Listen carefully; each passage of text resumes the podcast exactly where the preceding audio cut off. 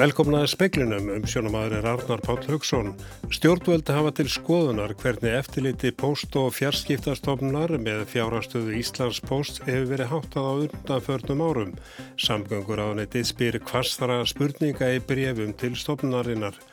Þingmaður miðflóksins segist ánaður með úrskurð persónavendar í klausturmálunum síðan nefnd alþingis hefur fengið máli til umfjöllunar frá forsætist nefnd alþingis.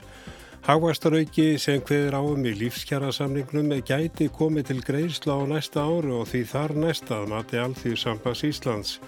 500 gerfir síður á Facebook sem voru notað til að dreifa fölskum upplýsingum til miljóna manna í Evrópu til að hafa áhrif á Evrópu þingkostningarnar hafa verið afhjúpaðar.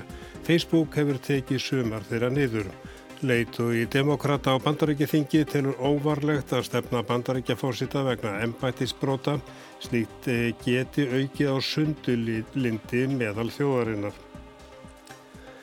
Samgönguráðuniti hefur til skoðunar hvort eftirliti post- og fjarskistastofnar með fjárastöðu Íslandsbóðs hafi verið með eðlugum hætti á undanförnum árum. Ekki verið séð að stopnuninn hafi kannad hvort Íslandspóstur hafi verið rekstrarhæfur áður að hún veitti fyrirtækinu rekstrarleifi eins og henni hafi borðið að gera. Íslandspóstur hefur tapað miklu fí á undanförnum árum. Undir lok síðasta árs óskaði fyrirtækið eftir eins og hálsmýraskona neyðarláni frá ríkinu sem alþingi samþykti. Lögum samkvæmt á post- og fjarskiptastofnun að hafa eftirlit með fjárhagstöðu Íslandsposts. Skömmu eftir að fyrirtækið óskaði eftir neyðalánin í desember sendi samgöngu og sveitastjórnar ráðinitið post- og fjarskiptastofnun bref þar sem óskafar eftir upplýsingum um hvernig stofnunin hefði synd eftirliti með fjárhagstöðu Íslandsposts á undanförnum fimm árum. Í öðru brefi sem ráðaniti sendi stopnunin í mars segir að ekki verði séð að stopnunin hafi kannad hvort Íslandspostur hafi verið rekstrar hæfur áður en hún veitti fyrirtækinu rekstrarleifi eins og henni hafi borðið að gera. Í svörum stopnunarinnar segir meðal annars að hún telli sér ekki heimilt að kalla eftir og vinna úr upplýsingum um fjárhagsstöðu Íslandsposts almennt. Þær fjárhagsupplýsingar sem stopnunin hafi kallað eftir frá Íslandsposti hafi ekki gefið til kynna slæma rekstrastöðu fyrirtækisins. Korki Sigurður Ingi Jóhansson samgöngur á þeirra nýja Rappkjell Vaf Gíslason fóstjóri post- og fjarskiptastofnunar vildu veita fréttastofu viðtalum máli þegar eftir því var leitað. Jóhann Bjarni Kolbinsson sagði frá að nánar verðu fjallað um þetta máli í fréttum sjónvars klukkan 7. Síðan nefnd alþingis hefur fengið klausturmálið til umfjöldunar frá forsættisnendi sem skipuð var á málið. Bergþór Ólason, þingbar miðflokksins, segist ánaði með úrskur personuvendar um að klaustur upptökunar hafi verið ólögmætar. Hann segir engar samræður hafi farið fram meðal þingmanna um úrskurðin þar sem þeir séu of uppteknir við þingstörf. Það var nú þetta sem við vildum leiða fram hvort að, hvort að uh, það væri í rauninni svo staða uppi á Íslandi að menn gætu átt von á því að það væri álitið í lægi að vera teknir upp í það sem menn telja sér vera í eiga enga samtal en nú er það sá hluti sem sagt leittur í jörðir svo maður segja af personumvend og, og niðurstaðan er bara ánæguleg. Henni er ekki gert að greiða segt uh, vegna þessa brots þið fóru fram á það. Hvað, hvað finnst þið um það? Er það vonbriði? Nei, það var nú raunar þannig að við eh, gerðum eh, tilugum það að henni er þið gerð lámarsekt. Þannig að það var nú svo sem uh, þessi vegferð gekk ekki út á það að ná fjármunum út úr báru haldóþúður heldur að leiða þeir í örð hvernig regluverkið er, hvað þessa hluti varðar hér á Íslandi. Saði Bergþór Ólason í vitali við Sunnu Valgeradóttur. Hagvastarauki sem hveður áum í lífskjara samningnum gæti komið til greiðsla á næsta ári og því þar næsta að mati Alþjóðsambans Íslands. Þó að Sælabankin spáið því að 0,4% samdráttur verð á þessu ári spáir hann 2,4% hagvesti á næsta ári og hann verði 2,6% árið 2021. Í samningnum er meðað við hagvast á mann ef um hagvastarauka er að ræðan Hann er í þrepum og greiðsla á mánagalögn getur hæstorið 13.000 krónur ef hafvöxtur á mann fer við 3%. Hafvöxtaraukið að launauki á mánagalögnatakstan er í 3.000 krónur ef hafvöxtur á mann er það bylnu 1-1,5%. Nancy Pelosi leitói demokrata í fulltrúadeildi bandarækjathings telur ekki rétt að stefna Donald Trump að sinni vegna embætisbrotan þar sem það gæti aukið sundulindi meðal þjóðarinnar betra sé að koma upplýsingum um rannsókn á fjármálum fórsetans til fólks með öðrum hætti. Impeachment is a very divisive place to go in our country. And what we can get the facts to the American people through our investigation, it may take us to a place that is unavoidable in terms of impeachment. Þetta kom fram á fundi Pelosi með frettamönnum í Washington í dag. Hún sagði að þótt óráðulegt værið að stefna fórsetunum á þessum tímapunkti kynni rannsókn demokrata að leiða til þess síðar. Hún hvaðst telja að fórsetin og samstarfsfólk hans vonaðist til þess að honum yrði stemt til að snúa almenningsálitinu honum í vil. Þess vegna hefði hann sleppt sér á fundi með leiðtóðum demokrata í gær. Sá fundur átti að fjalla um fjárveitingar til endurbóta og vegakerfi og brúm landsins. Leini þjónustu og fjármálanemdir fulltróðeldarinnar hafa óskað eftir því að fá gögn frá tveimur fjármálastofnunum um fjárhagsleg umsvið Trumps. Alríkistómari hafnaði í gerð kröfu hans um að þinginu yrði neitað um gögnin. Pelosi hvaðst á fréttamannafundinum í dag finna til með fórsetanum og byggja fyrir honum og fjölskyldu hans. Áskýr Tómasson sagði frá. Alls var tilkynnt um að ekki hefði verið á 811 kindur á fjögur ára tegambili frá 2014 til 2018 í umdæmi lauruglunar á Suðurlandi. Þetta kemur fram í gögnum sem lauruglan á Suðurlandi hefur tekið saman. Talsvert eignatjón hlýsta því þegar ekið eru söðfjö, bæði vegna skemta á bifræðum og draps búfjanaðar. Í öllum tilfellum drefst búfjanaðar við áreikstur eða er lóað. Dæmi er um að bifræðar hafa orðið fyrir verulegum skemtum. Á þessum fjórum árum var oftast ekið á kindur í austur skaftafellsíslu. Á svæðinu gengur flest söðfið í eignarlöndum en ekki afréttum. Þjóðvegur 1 er að mestu ógirtur í austur skaftafellsíslu utan Nesja, einungisum 35 km af 230 km leið. Tilfellum þar sem ekið er á söðfið hefur fækkað á öllum svæðum í umdæmi lauruglunar á Söðurlandi utan austur skaftafellsíslu. Lauruglan hvetur fólk til að sína aðgátt í umferðinni til að komast megi hjá slíkum slísum. Þorvarður Pálsson sagði frá. 50 til 90 íbúður gætur ísið á söðarkróki á næstu tíu árum. Það vantar fólk til starfa og þráttur í miklu uppbyggingu síðustu ár vantar enn íbúður. Fyrirtæki Rapshóll EHF hefur óskað eftir því að fá að byggja alltaf 90 íbúður við freyjugötu á söðarkróki. Á fundi hjá skipulags og byggingarnemnd skagaferðar á dögunum var tekinn fyrir umsók frá fyrirtækinu þar sem óskað var eftir heimild til að gera deiluskipula á svæðinu. Sigfúsingi Sigfússon er sveitastjóri skagaferðar. Þetta var tekið fyrir á byggðarásfundi hjá okkur í gær og bara tekið mjög ákvæmt í erindið. Við ætlum að reyna að fá fórsvarsmenn þessa fyrirtækis á fund til að hérna, fara ítalega rúni í þeirra hugmyndir um uppbygginguna. Drátt verið mikla uppbyggingu á Söðorkróki síðustu ár er ennþá töluverðu skortur á húsnaði og þá sérstaklega minni íbúðum, segir Sigfús. Rapsól vil byggja 50 til 90 íbúður á svæðinu en það veldur á því hvernig deiliskypalaði verður.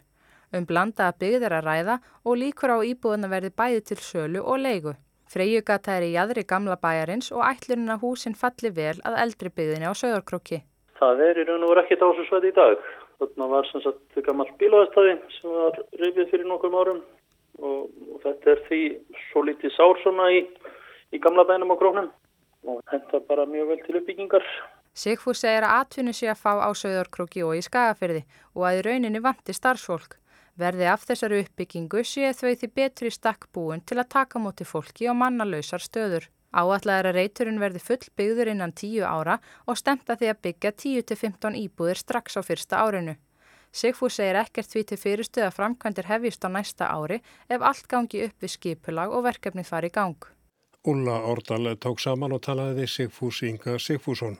Fyrirtækið AMA sem sérhefi sig í markasetning á netunu hefur afhjúpað 500 gerfi síður á Facebook sem notaður voru til að breyð út falskar fréttir og haturs orðræðu hægri aukamann í Evrópu. Markmið með þeim var að hafa áhrif á kostningar til Evrópuþingsins sem hefjast í dag. Elva Ír Gilvadóttir, frangvandastjóri fjölmjölanlendar, segir að ýmsar aðgerðir hafi verið skipulaðar til að draga úr áhrifum falsfrétta en oft sé mjög erfitt að eiga við þar. Dagblæði Guardian byrti í gerð umfjöllunum þessar 500 gerfi Facebook síður.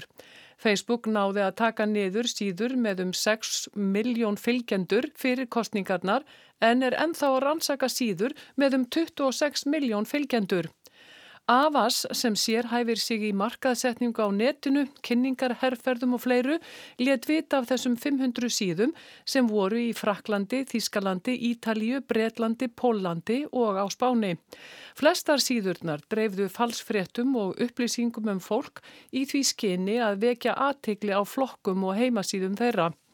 Gerfi síðurnar voru mun vinsætli en hinnar eiginlegu síður öfga hægri mannana og hægri populistaflokkana sem gerfi síðurnar voru að koma á framfæri.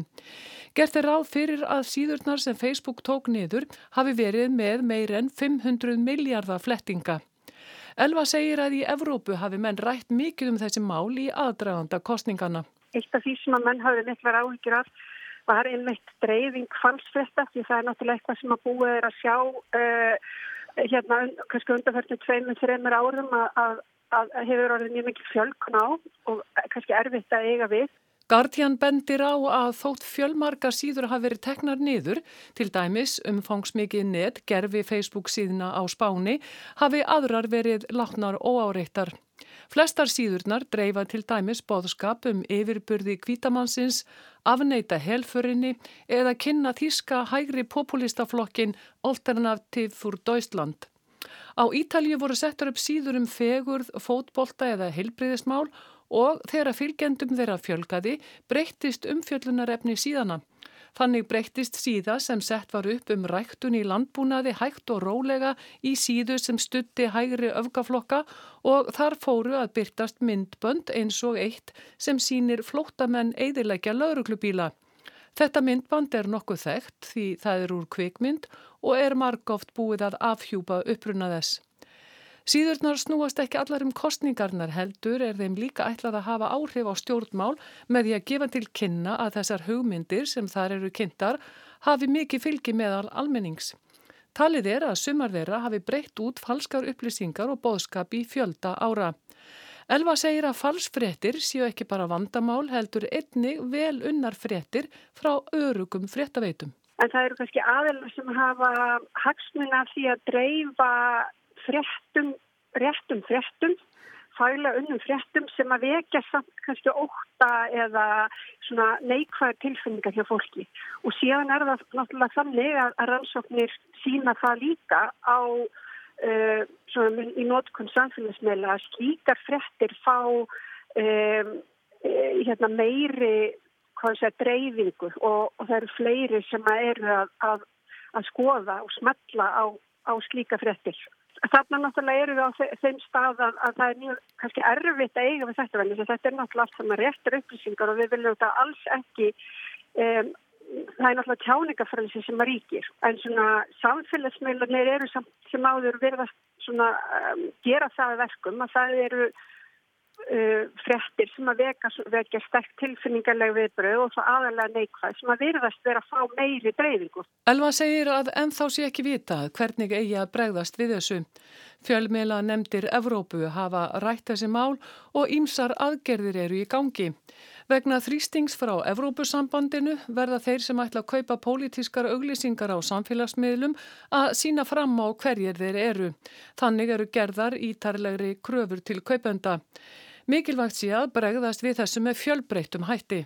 Það er náttúrulega að kenna fólki hérna, miðlalæsi, gaggrina hugsun og það hvaðan, hverjir það eru og, hverjir það eru sem eru sérst, að, að dreifa upplýsingunni, hvort þetta séu upplýsingar sem er tristand og svo framvegs og síðan náttúrulega eh, hérna, orðuræða sem er sem er þá kannski hattusorðræða eða eitthvað slíkt ef að það er komið út í og þá er það náttúrulega bara e, tekið á því með, með, með öðrum hætti fyrir, fyrir domstólu með eitthvað slíkt. Þannig að það er, þetta er, þetta er margþægt mál sem er raun og verið mjög margir fyrir að koma af.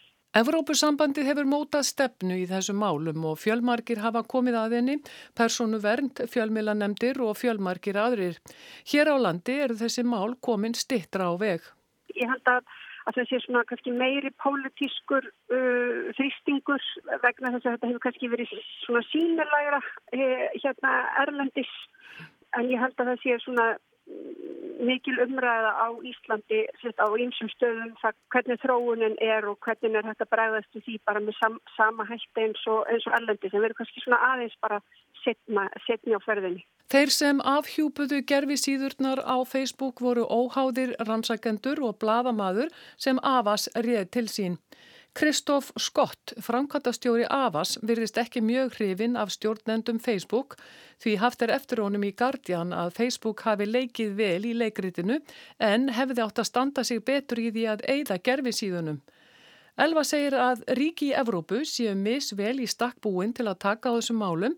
Sum hafa fengið starfsmenn hjá hennu ofinbera til að rannsaka þau og vinna gegn þessu en önnur ráði fyrirtæki til þess að gera það og einnig hafa fjölmiðlar rannsaka þessi mál.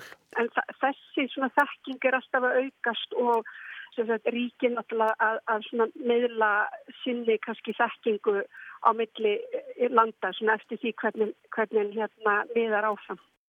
Þetta var Elva Ír Gunnarsdóttir, Bergljótt Baldursdóttir, talaði við hana.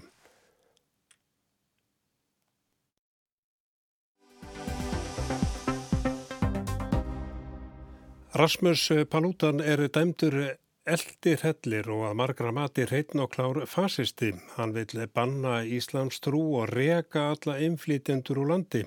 Kannanir sína nýrflokkur hans fær fimm þingmenn í kostningárum í Danmörku.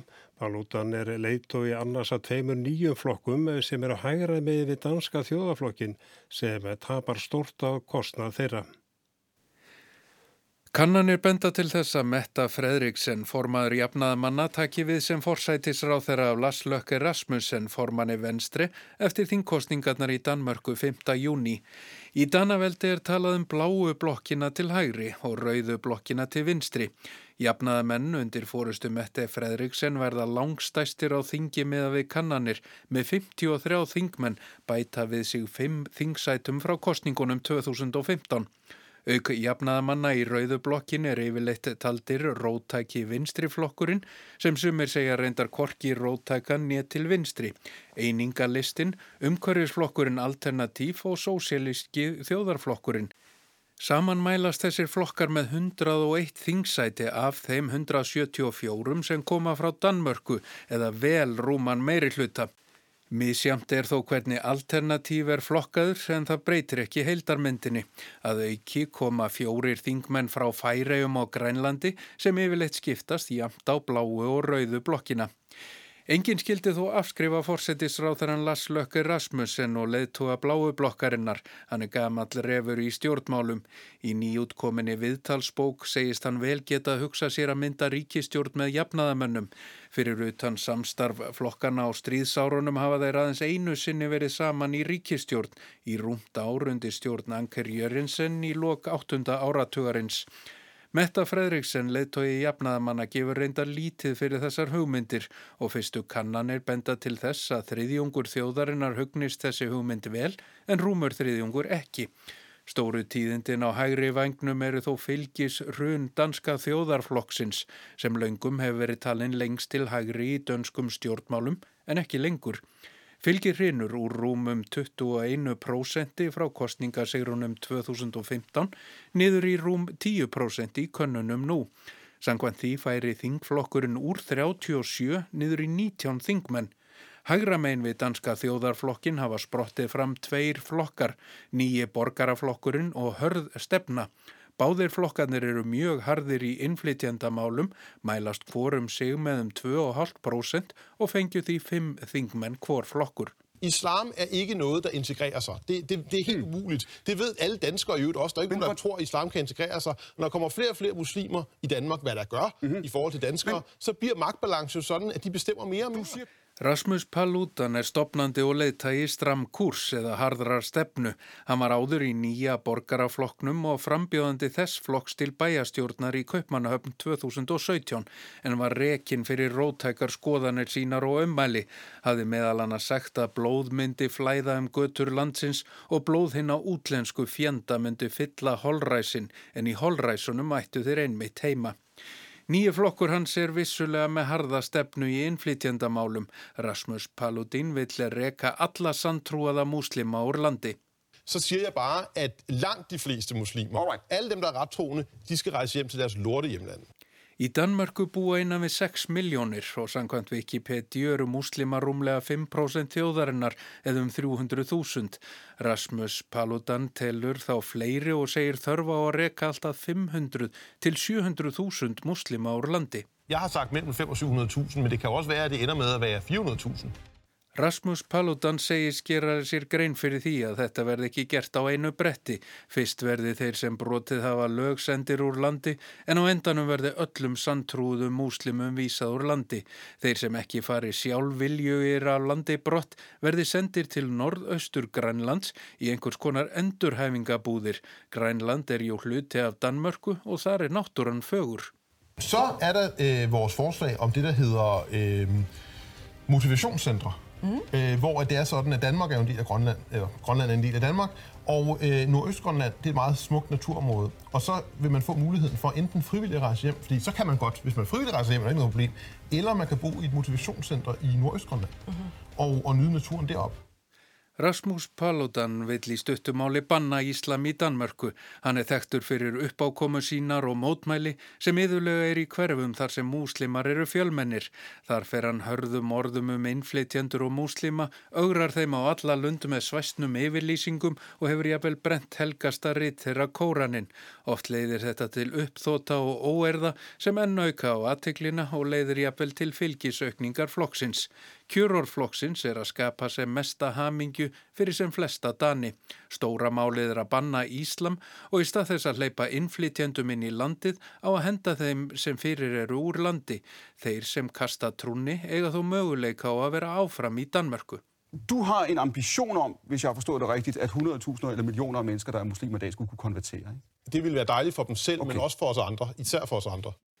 Árið 2013 var Paludan dæmdur í 5 ára nálgunabann og bannaði að hafa nokkur samskipti við 24 ára pilt sem hann hafi kynst stuttlega í latínunámi. Þetta er hámarks refsing fyrir slíkt aðtæfi en duði ekki til því Paludan helt áfram að ofsækja drengin. Árum saman eldi hann drengin, áreitti hann fjölskyldu hans og vini á alla lund. Hann drekti honum í símtölum og SMS alltaf 40 sinnum á dag. Sankvæmt lauraglu skýslum virðist þessar ofsóknir hafa verið óvenju langvarandi og svæsnar. Rasmus Paludan og flokkur hans Stram Kurs mælast með 2,6% af fylgi og fær sangkvæmt því 5 þingmenn í kostningunum 5. júni. Hann er áberandi á samfélagsmiðlum og fylgið er mest meðal unga fólksins. Reyndar fyrst og fremst ungra karlmanna því stuðningu flokksins meðal kvenna er hverfandi. Pálmi Jónasson saði frá. Stóra hluta plastmengunar í heimsöfunum á reykja til þess fatnar sem við göngum í. Árlega er talað um 500.000 tonn af ör trefjum úr fatnaði renni til sjávar á ári. Finsku finningu gæti leist hennar vandan, hún fælsti því að framlega fötur trjám. Í umræðunum enguna völdum plass gleymist ofta að fötin sem við göngum í valda miklum skaða á umhverjunu eða geta valdið sem er fullir að fötur gerfiefnum séu verri en sjálfur plastúrgangurinn. Í grein á vefmiðli Norska ríkisútasins kemur fram svo krafa að fatnar verði skilgreindu sem hættulegur úrgangur. Norsk stjórnvöldi stefna því að banna einnóta plasta á næsta ári svo sem plastnývapör, plaströr og eirnapinna úr plasti. Hins vegar skortir stefnu um hvernig ég að taka á plastiðnaðinum 60% af fatnaði sem framleitur er innihalda plasttrefjar sem berast með ymsum leiðum í hafið. Talið er að 30% af plasttrefjónum sem ógna lífin í hafinu séu plasttrefjar sem losna úr fötum. Bæði hér og í Nóri er fötum og textíli sapna saman til að endur nýta. Rauði krossin af Íslandi útlutar nótuðum fatnaði til um 1500 einstaklinga og fatnaður er einnig sendur til þróunarlanda. Það er góðrækjald að verðt en það er gaggrind að fatnaður sér sendu til landa sem er ekki með nútíma fráveitu kerfi.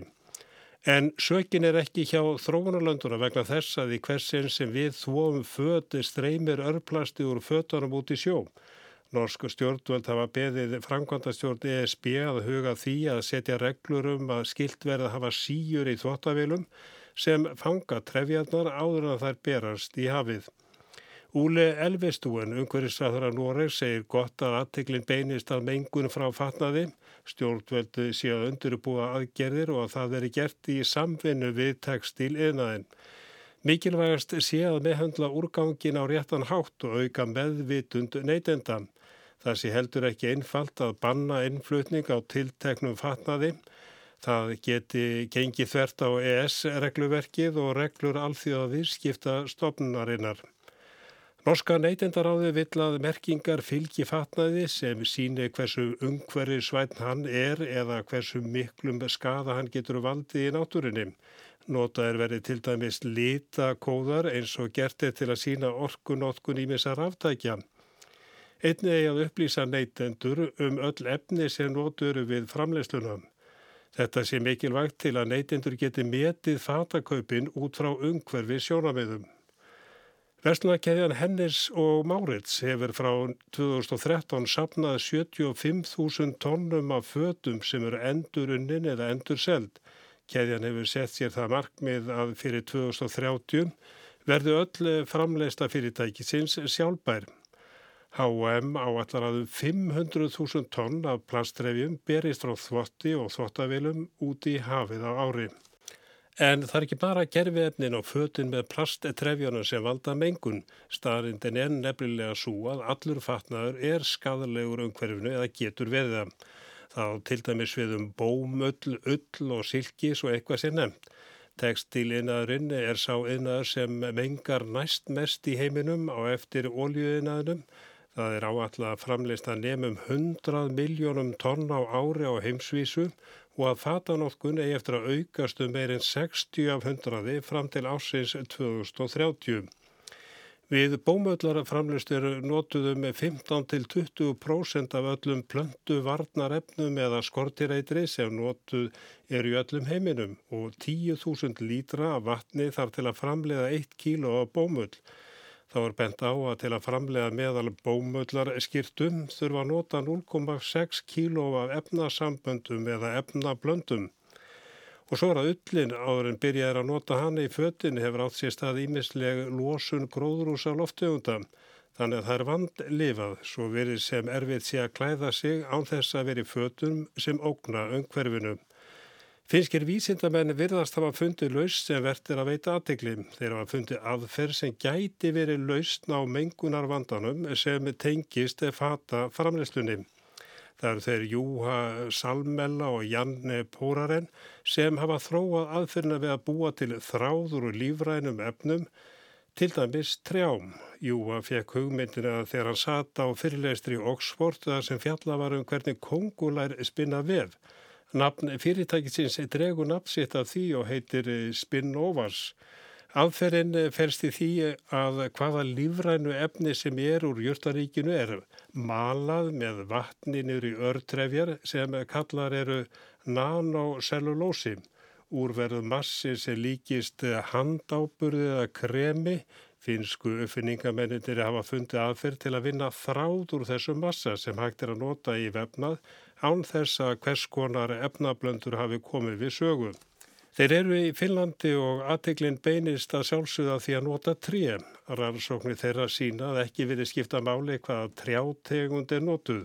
Þeir segi líka að þeir getur hugsaðlega að nota úrgang frá landbúnaði eins og til dæmis hálm. Það eru fjögur ára frá því að þeir Júha og Janne fóru að leita fjárfestum hafa þegar fengið austurísti textilfyrirtæki til íðsvið sig Það er eftir miklu að slæjast því textiliðnaðurinn er mikill af vöxtum. Ef öll timburframleyslan í Finnlandi væri nótu til að framlega gard, næði það aðeins að þjóna með 10% af öllum fataðinaðinum. Ímsir þungavektamenni í geranum hafa veðjað á þá félagan, þar á meðal ímsir fataframlegendur, ekki verið upplýst hverji þeir eru, nema að finski fata og vefnaðari sinn Mari Mekko er meðal þeirra. Fyrsta versmiðan hóstarsim í desember og nú að vera að semja við fatafyrirtækjum framleyslum. Það er búist við jáfnvel því að fjöldaframleysla hefjist hugsanlega á næsta ári. Janni segir að áferðin á tref vefnaðinum líkist aðeins bómull og líni.